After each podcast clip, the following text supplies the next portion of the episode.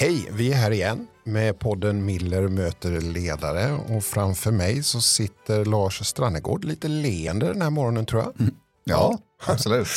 Du är rektor på Handelshögskolan. Uh, varmt välkommen hit. Tack för det. Uh, idag ska vi prata om bildningens betydelse för chefer och ledare. Är det viktigt att ha läst klassiker som Brott och straff och fördjupa sig i konsthistorien och i den samtida konsten? Gör det mig till en bättre ledare? Om du får svara ja eller nej Lars, vad skulle du svara? Nej, men då får jag nog svara ja på den frågan. Då ska vi fördjupa oss i det. Men vi ska också veta, få veta lite mer om dig innan vi drar igång samtalet. Lars Strannegård är rektor vid Handelshögskolan i Stockholm. Han är professor och innehavare av stiftelsen Borodins och SCAs professur i företagsekonomi med särskild inriktning mot ledarskap. Lars Strannegårds forskning fokuserar på aspekter av ledarskap, estetik, varumärken och även organisation och ledarskap i multinationella organisationer. Lars Strannegård är styrelseledamot i flera akademiska, kulturella och utbildningsrelaterade organisationer och har varit gästforskare vid Stanford University och professor vid Uppsala universitet. Han är mycket engagerad i kulturfrågor. Han är också medgrundare till Röda Sten konsthall i Göteborg. Hur hinner du med allt? Nej, men det gör jag inte riktigt eh, faktiskt. Men ehm, eh, jag försöker i alla fall så gott jag kan. Och jag försöker planera min tid ganska så väl. Och vad bra att du kunde planera in och komma hit då. Absolut. Du Lars, hur påverkar kulturen dig i ditt ledarskap som rektor för Handelshögskolan? Nej, men ja, det, på, det, det påverkar mig eh, eh, som människa hela tiden tycker jag. Det, vi, vi, är ju alla utsatta för olika typer av kulturella uttryck hela tiden. Det blir bara mer och mer av det i, i samhället i stort. Allt ifrån fantastiskt välproducerade tv-serier Eh, till att, då, ja, att man ser på, på konstutställningar eller går på, lyssnar på musik eller så.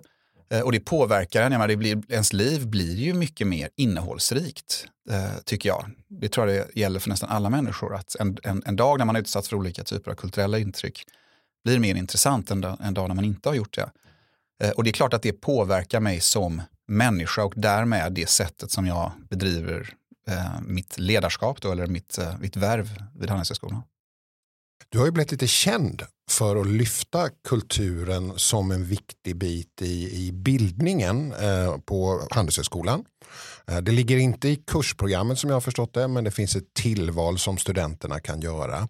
Eh, varför menar du att konst, litteratur och teater, för att nämna några konstarter, då, är bra för chefer och ledare?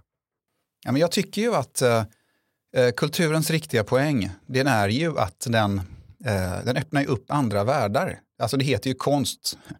Och eh, en mening av konst det är ju att det, att det faktiskt är lite konstigt. Eh, och det är inte så dumt tycker jag. Att, eh, att det är saker som man inte riktigt förstår eller det är saker som man inte riktigt har tänkt på. Eller det är eh, någonting som helt enkelt öppnar upp andra världar. Om man läser en, en, en bra bok, då försätts man ju i en annan kanske tid eller en annan, en annan plats. Och då blir det plötsligt möjligt att förstå hur det är att vara en förälskad 15-åring på 1500-talet som är kär i någon som är eh, fel ur, ur något sorts eh, eh socialt och kulturellt enormt eh, sätt. Precis. Mm. Eh, och då, så det är ju det som konsten har en förmåga att kunna förflytta en till just andra tider och andra platser och egentligen träna ens föreställningsförmåga, ens fantasiförmåga. Men just föreställningsförmågan. Eh, och det är klart att det är otroligt viktigt, bara det, att man har den förmågan. Att om du har en, en chef eller ledare som, som har den förmågan, eh, då tror jag att hen blir otroligt mycket bättre som, eh, som ledare. Och, om, om vi skulle flytta oss då till en, vad tänker du? Tänker du att där har man hjälp av i en tuff förhandling eller i en arbetsgrupp som inte fungerar? Eller vad tänker du? Ja, men vi har ju lite bredare anslag i detta där där vi har ju gått igenom eh, på Handels nu där, där, och tänkt efter vad, vad ska man egentligen utbildas för? Mm. Eh, och i den här världen av eh, artificiell intelligens och maskininlärning och så, så är det ju så att maskinerna kommer att ta över väldigt mycket av det, av, av, av den, det, det, kognitiva. så att säga. Just det kognitiva är det viktiga, det sättet att tänka. Eh, och, så maskinerna kommer att bli smartare än vad vi är. Eh, och och då kommer också våra yrken se annorlunda ut. Vissa kommer försvinna och eh, de kommer transformeras framför framförallt då och se annorlunda ut. Och vi har heller ingen aning om hur världen ser ut eh, tre eller fem år eller, fem, eller sju eller tio år från nu.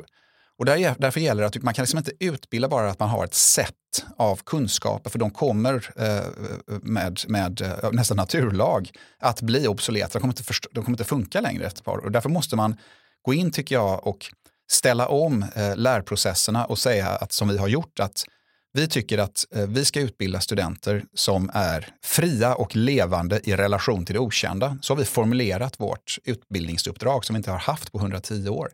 Och sättet som, då har vi tagit det här med free i detta, fri och levande. Och, och det är då en akronym som sammanfattar eh, det som vi anser att man bör kunna. Och F står för faktabaserat och vetenskapligt baserat förhållningssätt.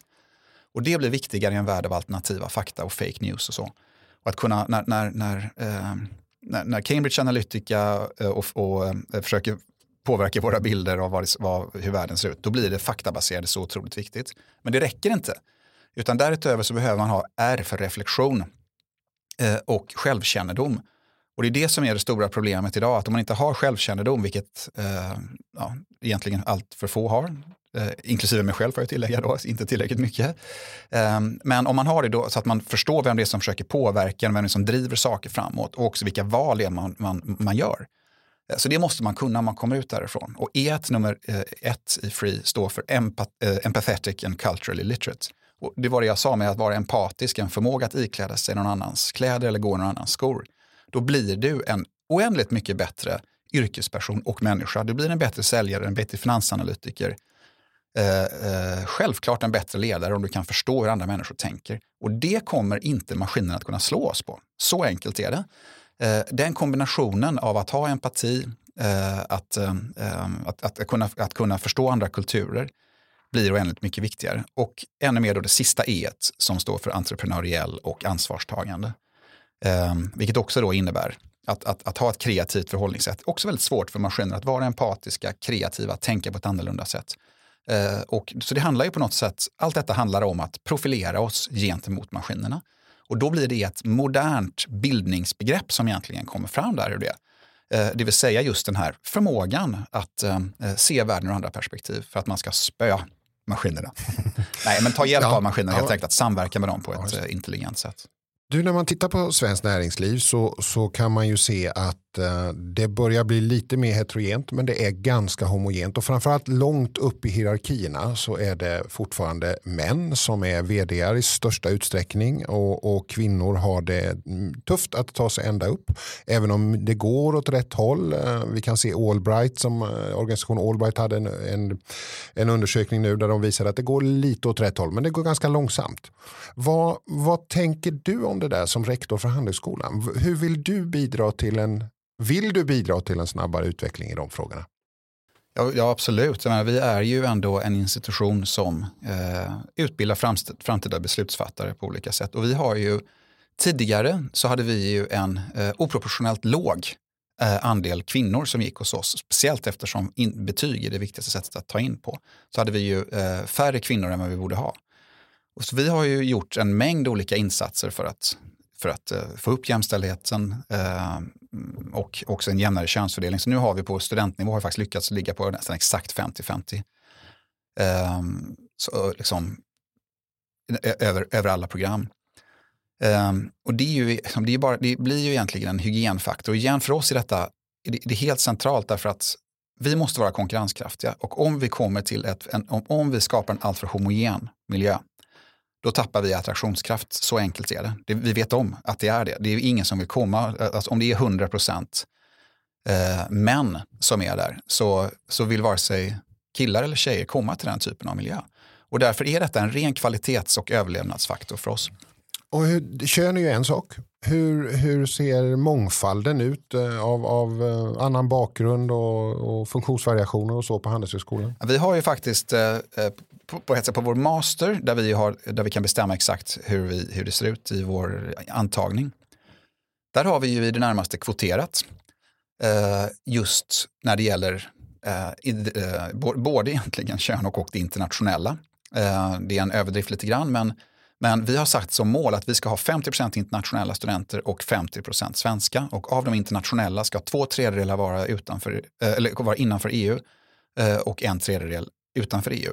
och där i, i de här grupperna så mycket mångfald som möjligt, igen av samma anledning. Eh, Eh, och av de, de, inhemska studenterna då, som kommer från Sverige, så att säga, hur, hur många ska ha en mångfaldsbakgrund där? De internationella studenterna blir ganska lätt att ha en mångfald i, tänker jag. Eller hur tänker du där? Det blir lite lättare att få det, därför att där kan vi bestämma själva över vår antagning. Men eh, vi har ju i allt väsentligt den stora andelen som vi tar in på eh, vår grundnivå, då, på bachelornivå, kandidatnivån, det tar vi in via betyg. Och eh, det, jag gillar inte det i korthet. Mm. Därför att, därför att eh, betyg är, men speciellt med det svenska, eller det betygssystemet som vi har i Sverige nu, det är eh, deprimerande och gräsligt eh, orättvist tycker jag.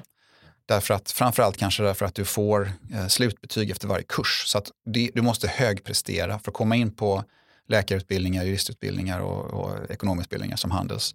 Då måste du ligga i hela tiden. Så att om du får ett enda problem hemma, dina föräldrar skiljer dig eller om du får ett problem med din pojke eller flickvän Eh, och du tappar då någon kurs helt enkelt under första ring, då är du ute ifrån det. Och de som, de som inte gör det visar all statistik. Det är de som kommer från studievana miljöer där föräldrarna tar in study buddies eller hjälper till eh, på olika sätt.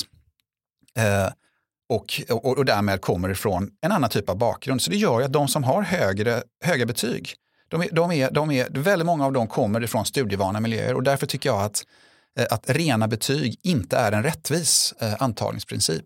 Och därför försöker vi att eh, öka olika vägar in. Så jag tycker att om man är ute efter att skapa en, en sann meritokrati då måste man eh, ha fler vägar in helt enkelt. Mm. Man kan ha, Hur skulle de vägarna se ut? Då? Ja, men de ser ut att man, man måste ju tro lite på betyg, vilket jag gör. Det gör ju så att har man bra betyg så gör man ofta väldigt bra ifrån sig. Men man behöver ha någon form av tröskel eh, Eh, för att ta sig in. Och nu är det ju att man ska ligga då på 19,2, och 3 och 4 och sånt där av 20. Eh, vilket är väldigt svårt att göra. Men om man då skulle kunna ha 17,0 istället och sen ta sig in med hjälp av eh, intervjuer eh, med hjälp av andra saker som man har gjort mer likt en, en anställningsintervju helt enkelt. Då får du helt enkelt en större möjlighet. Man kan ju säga att du på ett sätt ansvarar, eller du, du, ni formar ju väldigt många av cheferna i svenskt näringsliv. Ja, men vi är en rätt liten institution. Ska vi ja, fast, ja, det, det är ni på ett sätt. Men det är klart det finns många andra. Men jag tänker ni har ändå en ganska stor betydelse för framtida ledare. Så är det ju. Eh, och, och... Jag tyckte bara det lät lite förmätet att säga att vi påverkar alltid. Det finns massa andra handelshögskolor också. Absolut, men nu är du rektor för Handelshögskolan i Stockholm och jag tänker att ni har ändå ett stort inflytande över framtida ledare. Eh, vad, är, vad, är det, vad är det för typ av ledarskap du skulle vilja att de bär med sig ut? Ja, men jag vill att de ska bära med sig just det som vi egentligen sammanfattar i det här som vi kallar för free. De ska vara faktabaserade, de ska ha ett vetenskapligt förhållningssätt. De ska liksom eh, helt enkelt vara, eh, de ska inte basera sitt, sina handlingar helt på tyckande. Men de ska vara reflekterande, de ska vara empatiska, de ska ha självkännedom och självinsikt. De ska ha ett kreativt eh, anslag och de ska vara ansvarstagande. Det är liksom det som är hela poängen. Så att hela, vi har försökt att sammanfatta bilden av det framtida ledarskapet i vår utbildningsmission. Du har ju i din forskning ägnat dig ganska mycket åt eh, affärer och etik eh, och tittat på det. Hur kan man balansera det där mellan affär och etik? Men de är ju också tätt. Jag har skrivit en bok då, eh, som heter Affärsetik och en tjock bok och jag ångrar det djupt. Jaså, varför det? Jaha, men det är ju intressant. Varför ångrar du det då? Nej, men det, den är ju på något sätt, eh, jag, jag, tror inte att det riktigt är rätt väg att gå ändå, att lära olika typer av eh, etiska förhållningssätt på något sätt. Det, det finns ändå någon form av preskription i det där att förhålla dig på det här sättet därför att det är mer riktigt att göra och, kontra något annat. Jag tror väldigt mycket mer tycker på att, att, Tycker du att den blir för pekpinneaktig? Eller? Jag tycker att det ofta blir det. Där det blir liksom underförstått, du skulle läsa en bok i affärsetik, underförstått du är inte tillräckligt etisk själv lille vän. Så att, eh, jag tycker att det är bättre att man helt enkelt utvecklar en självkännedom eh, och att man, liksom, att, man, att man blir grundad i sig själv. Och om du gör det då får du ett, eh, ett etiskt förhållningssätt, du får en inre kompass som är, eh, alltså det är rätt intressant, eh, eh, education, det kommer från latins educatio Eh, och det betyder vägvisare, det vill säga kompass. Så har du en bra utbildning, då får du liksom en, en, en kompass som pekar eh, åt, åt rätt riktning. Så är grunden eh, i det där. Och sen är det så att jag eh, tror att det är väldigt få av eh, företagsledare i världen som de facto är oetiska. det är mycket mer komplicerat än så. Det visar ju allt. Eh, och, liksom, den här frikopplingen mellan prat och handling. Eh, och det, det, det, är vansinnigt svårt att få att, att det skulle finnas någon sorts motsättning mellan affärer och etik. Så, så enkelt är det ju inte riktigt utan det kan ju snarare vara tvärtom har man ju i väldigt många fall sett. Men du, man kan ju vara väldigt kulturellt bevandrad. Man kan vara nobelpristagare och, och som, det är ju en stor diskussion just nu den här hösten om Hanke mm. som, som så att säga har försvarat Milosevic eh, och, och hamnat ju värderingsmässigt i alla fall politiskt väldigt långt ifrån en, vad en majoritet anser vara etiskt hållbart. Vad, vad, jag menar, vad, hur ska man som, alltså det, ju, det, finns ju ingen garanti. Nej, det är det jag menar. Du kan inte göra det. Du kan inte, alltså, det finns absolut ingen garanti. Någon som är beläst eh, blir inte alls någon garanti för att man, är, för att, för att man agerar gott.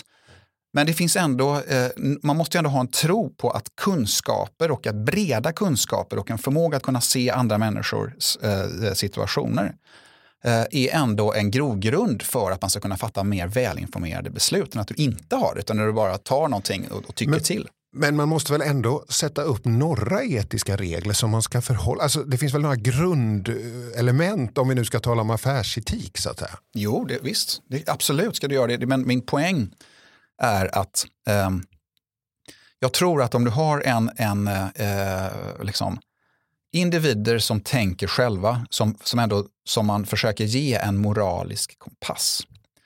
Eh, de är mer benägna att fatta eh, beslut som är bra för mänskligheten. Det är min absoluta övertygelse. Som inte hade haft den, då tycker jag att skulle jag kunna packa ihop och börja spela minigolf liksom, eller göra något annat. Jag tycker att det, det, det är väldigt eh, starkt övertygande. Så du har en väldigt stark tro på människan? Ja, det har jag absolut. En väldigt stark tro på människan och en väldigt stark tro på utbildning som det enda sättet som vi, vi kan eh, ja, egentligen göra världen bättre på. Mm. Vad tänker du om de här som säger att ja, men klimatfrågan den är business nu? Det är, vi kommer inte överleva om vi inte gör, äh, agerar för att äh, få vårt företag. Det handlar om tillväxt, kort och gott. Ja. Vad tänker du om det? Nej, men det, är, det, är, det är jättebra. Alltså, att, det, att, eh, att ju fler som börjar inse detta och, ju, och, och alltså, ju, ju, fler sociala system där, där marknadssystemet är ett av dem eh, som de här frågorna kommer in, desto, eh, desto bättre helt enkelt. Så att, det, det, kommer aldrig klara sig, vi kommer aldrig kunna få någon ändring på, på klimatet med hjälp av marknadskrafter enbart, utan det måste ju göras tillsammans med Eh, med politiken och också en, en, eh, en, globalt koordinerad politik. Och det är det som är problemet. Företagen är ju trots allt lättare att styra. Eh, de, de har liksom en förmåga att kunna göra det själva i många fall. Eh, men det globala eh, systemet politiskt är ju, som vi ser dagligen, helt omöjligt ser det ut som. Så det här, drömmen om en global governance som det kallas, den, den är ju förbi en dröm. Jag hörde en, en högt uppsatt svensk företagsledare säga att han hade eh, följt Rio-mötena sedan 90-talet och han hade bara sett koldioxiden stiga. Men nu är han eh, då chef för ett stort svenskt företag och han sa att nu har vi förstått att det här, vi måste ställa om vår produktion och då kommer det hända något. Mm. Mm, det. det är upplyftande att höra. Ja, det är väl kanske det du säger. Ja ja. Du, eh, jag tänkte bara vi skulle, vi ska närma oss slutet av den här podden. Och, eh, men jag tänkte du sa så här, självinsikt är viktigt i ett ledarskap. Och du pratade och du sa, jag är inte fullt ut där själv. Vad gör du? Vad gör du för att liksom komma närmare din självinsikt? um, nej men jag, jag, eh, jag talar faktiskt väldigt mycket med min fru, eh, ska jag säga. Vad är det för dilemman? Skulle du kunna ge något så här? Vad är det för dilemman du brottas med? Liksom? Ja, men det är ju, eh, eh, ja, men det, ofta är det ju finansieringsfrågor. Vi har ju bara 18 procent av vår finansiering som kommer från staten. Eh, och då gäller det ju då att, eh, att, att på något sätt försöka hitta ett, ett um, initiativ som, är, som går att finansiera och sen para detta med en, den här akademiska legitimiteten som är helt central för oss. Vi kan inte styra, jag vill inte och vi ska inte styra eh, forskning naturligtvis, för om vi styr den då är vi också fel ute. Eh, så det gäller hela tiden att bolla de här olika typerna av skapa förståelse i de olika lägen. Och det går väldigt bra för det mesta, men det kräver mycket eh, retorik och liksom övertygelse. Eh, eh, och eh, ehm, förklaringar helt enkelt. Så det är väldigt, väldigt mycket ord helt enkelt att säga att och föra ihop olika världar, det är egentligen det som vi sysslar med i väldigt hög utsträckning. Och alla världar, om du tar då, vi har ju också många samarbeten med, ja, men alla, det finns olika logiker. Näringslivet har sin logik, det akademiska forskningsbaserade har sin logik och också har vi de här kulturprojekten också sin logik. Eh, och att då försöka få ihop alla de här eh, logikerna på olika sätt, det, blir, det skapar just dilemman hela tiden. Och det är liksom kärnan av jobbet och jag tycker det är väldigt kul. Men det är också krävande. Så man ska kunna säga att du får vara väldigt diplomatisk i ditt jobb? Nu svarar jag diplomatiskt, ja så är det. Nej, men jag tänker det låter så. Jo, det är det ju, absolut. Nej, men det måste man vara. Men man måste för, också... för jag tänker att det kan finnas väldigt starka krafter hos finansiärerna. Vi vill få ut det här och akademin säger vi vill stå fria. Det är väl den, liksom, är det inte den kampen? Jo, då måste man förklara att, det, att, att näringslivet, eh, att det är bra för dem också att, att friheten finns där så att säga. Det finns en ganska rolig definition på vad diplomati är för övrigt. Det är ju att man, det är när man ber någon fara åt helvete och får dem att se fram emot resan. Så det är ju liksom, så kan man ju också se det där ibland. Ja.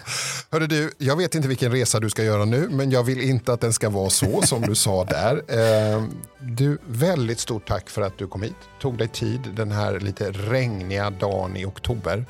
Eh, men eh, stort tack Lars Trannegård, Handelshögskolans rektor, för att du kom till Miller möter ledare. Tack för det.